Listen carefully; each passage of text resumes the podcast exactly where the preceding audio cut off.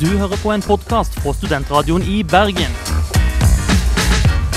Denne og mange andre flotte podkaster finner du på podkast.srib.no.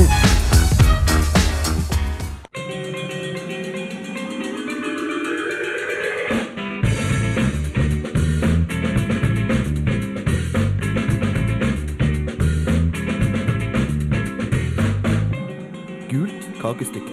I'm your history teacher from now on.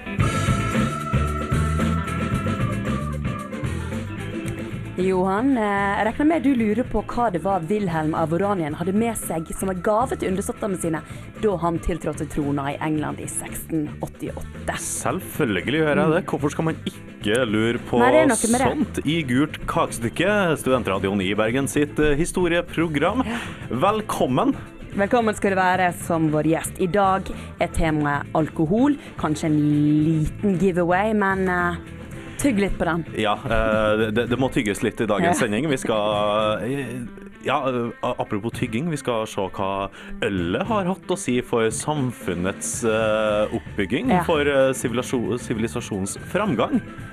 Nettopp. Vi skal også innom eh, forbudstida i Norge, og som du nevnte, Vi skal til England og til tida da etter The Glorious Revolution, da Wilhelm av Oranien kom til landet. Men først så skal vi høre ukas låt til Studentradioen i Bergen her i Gult kakestykke. Du skal nå få Notes to Self, Nobody. Det er en Ricoli remix with evidence. Ladies and gentlemen, two weeks. Det der var jo Note to Self med Nobody i uh, Recoil-remixen med Evidence.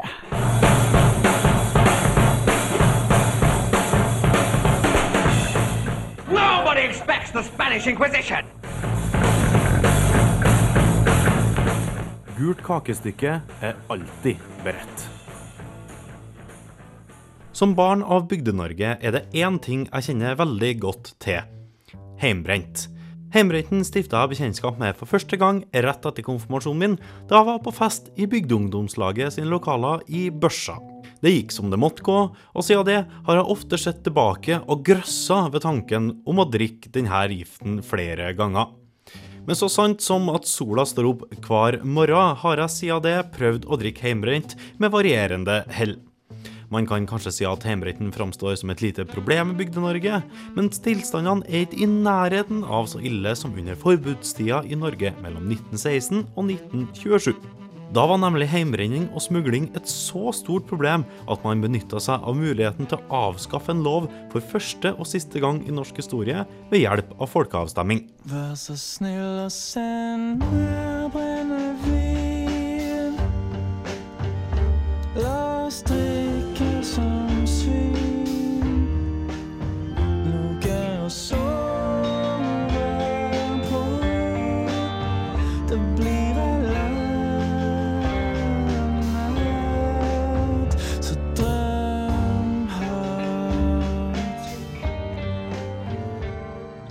Forbudstida var rett og slett myndighetenes måte å si at nok er nok på når det gjaldt folks festing og drikking. Derfor ble det innført et forbud mot brennevinsomsetning i forbindelse med jula i 1916. Dette skulle vise seg å være en så stor suksess, i hvert fall ifølge politimestrene i de største byene i Norge, som ba om at forbudet måtte forlenges.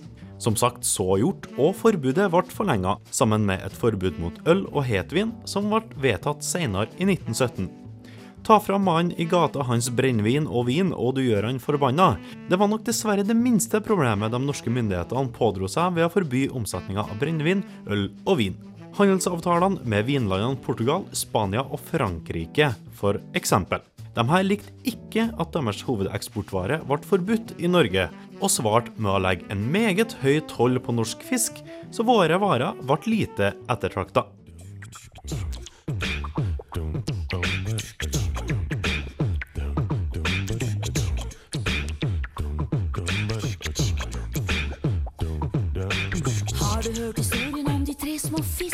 Som endte deres liv på en fiskehandlers disk? Og de svømte og de svømte og de svømte rundt, for deres mor hadde sagt at svømming var sunt. I, nøden spiser fanden flua, sier ordtaket, men de norske myndighetene var kjapt med å snu kappa etter vind, dvs. Si vinlandene sine ønsker. Vinmonopolet ble oppretta i 1922, men bare i de største byene og under statlig kontroll. Vinlandene var fortsatt ikke fornøyd med det her, og tollsatsene på fisk ble opprettholdt. Som en følge av dette måtte staten drikke den sure vinen og oppheve forbudet mot sterkøl og hetvin i 1923. Vi kan drikke vin til frokost Om du vil, så vil jeg. Du er vakker som en felle. Jeg er fanget og förgjord Du kan hanskes med Brennevinet ønska de derimot fortsatt å kontroll over, men ting begynte å komme ut av kontroll. På Sør- og Østlandet ble etablert flere smuglerhavner som utnytta den korte avstanden til Sverige og Danmark. Dette ble etter hvert storindustri, og mange leide drukningsdøden som følge av det her.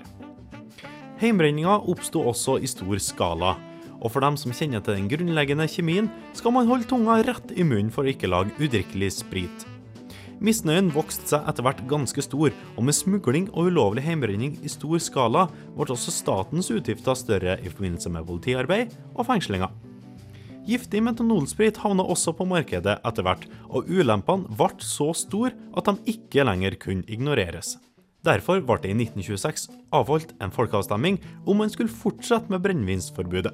56% av de fremmøtte ønska å avskaffe brennevinsforbudet, men valget møtte protest i avholdsbevegelsen, som mente at de to stemmesedlene man kunne velge mellom, var litt for forvirrende. Det finnes lite informasjon om hvor mange som mista livet som følge av smugling og alkoholforgiftning under denne perioden, men at det var dramatisk høye tall, det kan man nok ikke komme bort fra. Etter forbudstida har ikke myndighetene benytta seg av muligheten til å avskaffe lover ved folkeavstemninga igjen, og det er kanskje like greit. Heimrenten, som har vært lovlig og utbredt fram til 1750, fikk sin renessanse under forbudstida, og Bygde-Norge har aldri sett seg tilbake når det kommer til å nyte de ikke fullt så edle, men akk så billige dråpene.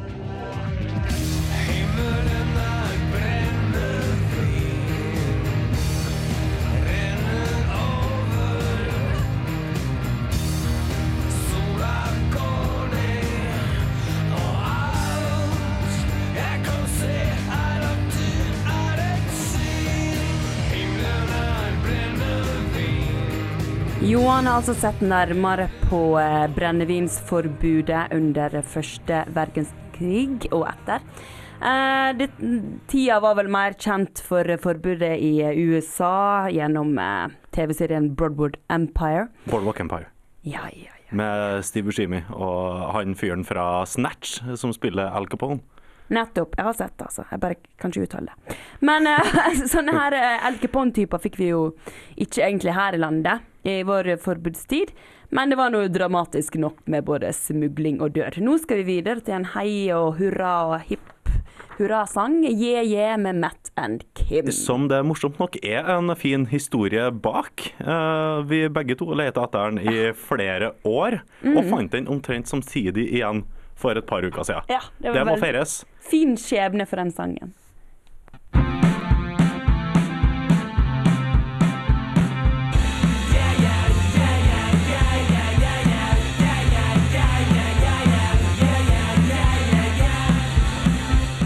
Energinivået i studio har aldri vært høyere. Du har nå hørt Matt and Kim med Yeah Yeah. Tilbake til fortiden er helt nødvendig for at man skal kunne utruste seg for fremtiden. Gult kakestykke! Vi trekker trådene!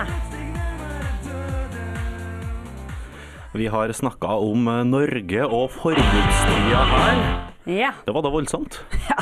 Må slutte med den energien. Ja, nei, det Må få pusten tilbake. Ja. Eh, forbudstida i Norge er ferdig med det. Yeah. I England derimot har de ikke hatt noe forbudstid, meg bekjent. Ikke meg bekjent heller.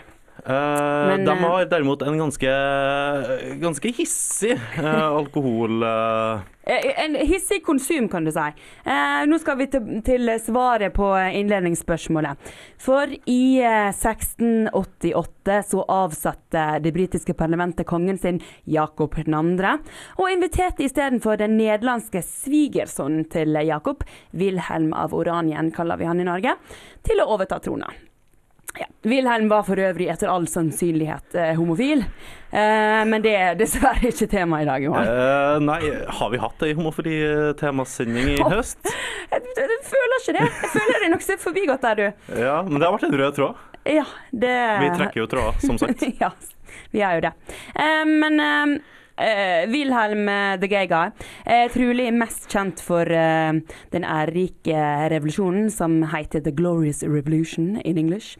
Som eh, han var med å utføre i lag med parlamentet, da de altså bestemte at han skulle være konge, og at de skulle regjere over han. Men mange briter vil nok huske han for en helt annen revolusjon. For i den kulturelle skolesekken fra Nederland hadde den nye kongen med ei gave til de fattige og, og frostige undersåttene. Man tenker jo kanskje først og fremst eh, altså, forhåpentligvis mat, eh, Ja. eller noe annet nyttig. Eh, En skolereform kanskje som skal sørge for at de fattige også får muligheten til å, til å kjempe seg oppover samfunnet. Alle gode forslag, men, men det falt nok på Det falt nok på gin. Gi mannen i gata sprit. Ja, og han blir glad og varm. Eh, fordi eh, den, eh, den revolusjonerte altså alkoholkulturen i øyriket. Eh, og på få år gjorde gin eh, London om fra eh, respektabel hovedstad til en verkebyll. Rett en verkebyll, en stor kvise av umoralske utsvevinger. Allerede i eh, 1689 dukka gin-brenneriet opp som paddehatter i London-området. Eh, For nå, nå var det sånn at eh, nå fikk de endelig produsere sin egen sprit, og de trengte ikke kjøpe brandy fra naboen og erkefienden over havet, som da er, som kjent er Frankrike. Ja, og det, det, det var nok kanskje det beste, vil jeg Mm. tro, for dem. At de, det at de, tror jeg nok. at de slapp å forholde seg til de Ja. arrogante franskmennene. Nå skal vi ha vår egen sprit. Ja. At det er fattigmannsgift omtrent, det, Ja. det spilte ikke så stor rolle. Så Nei, det nei, var nei. Deres, men det var deres egen fattigmannsgift. Det var det det var. Fordi eh, nå fikk så å si alle eh, produsere gin. Eh, før så måtte du ha visse kvalifikasjoner, og måtte være medlaug.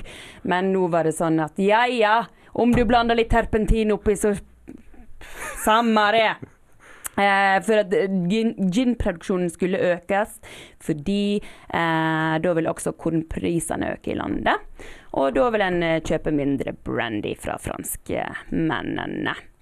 Eh, men det som er dealen her, Johan, det, det kommer vi jo har vi jo insinuert hele veien.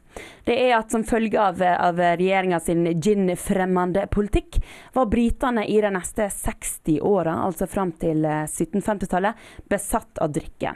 Eh, og den ble altså veldig raskt mer populær enn det til sammenligning, eh, til sammenligning produs, eh, prosent alkoholprosent fattige tradisjonelle engelske ølet.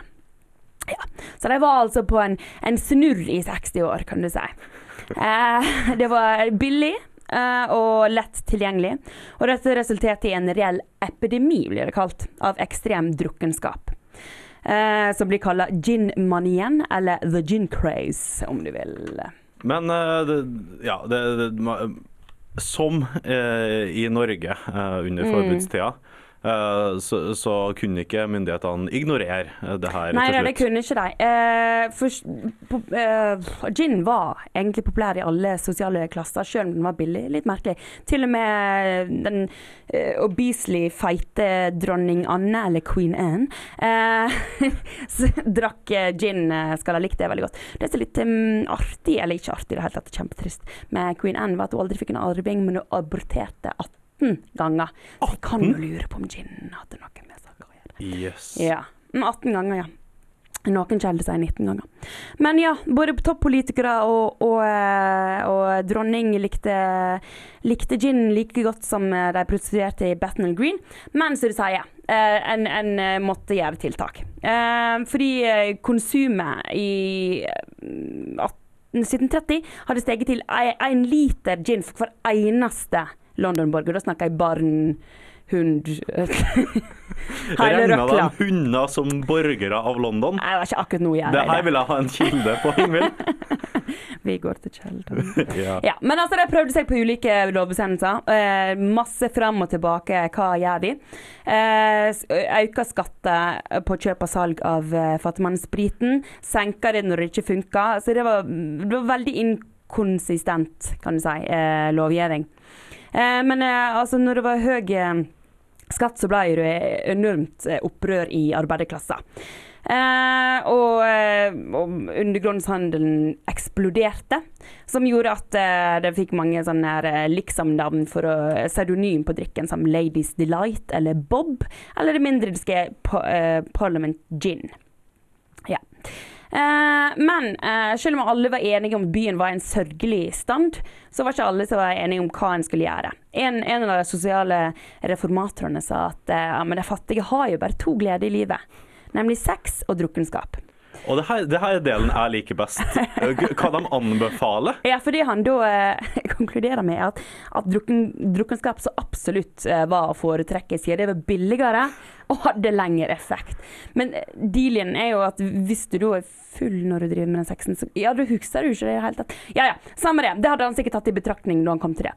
Men eh, det det Utover 1750-tallet så, så greide de å komme seg litt ut uh, i en bakfull uh, følelse, holdt på si, og eh, edrue seg litt.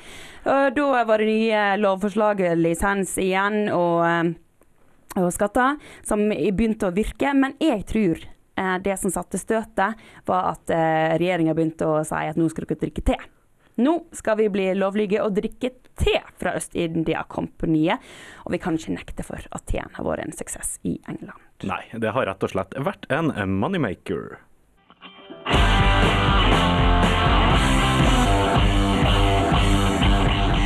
Du har hørt en låt fra ukas album her på Studentradioen i Bergen. Bandet heter Black Keys. Albumet heter El Camino, og låta heter Moneymaker.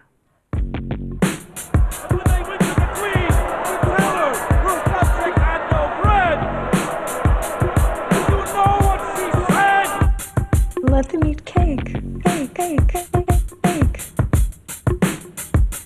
Cake. That's such nonsense. I would never say that. Vi er så glad i våre egne stemmer at vi eh, rett og slett har glemt tida. Vi fikk ikke tid til å snakke om ølets betydning for den moderne sivilisasjonen. Men vi kan bare si at det- det var ganske stor betydning, visstnok. Ja, eh, Vi legger ut en link på Facebook-sida vår. Søk opp Gult kakestykke, like oss og få masse snadder fra oss i Gult kakestykke-redaksjon. Vi er dessverre ferdig for dagen, og det er også semesterets eh, siste ordinære sending. Fra nå av blir det julespesialer Ja. i Gult kakestykke. Det blir Gud, fint, det òg. gleder meg. Vi som har sittet i studio i dag, har vært meg, Johan Dalen. Og meg, Ingvild Nilsen. Vi har hatt produsenten Karline Elgesem, som har smilt av oss der vi har dansa oss gjennom dagens sending. Eh, Gå inn på srib.no for nyheter om studentradioen og Gult kakestykke. Og podkaster. Podcast. Som er veldig flott. Det kommer også podkast av sendinga her i Snart. løpet av dagen. Eh, Vi avslutter dagens sending med The Dodos So Cold, som passer ganske fint til bergensværet i dag. Vi snakkes.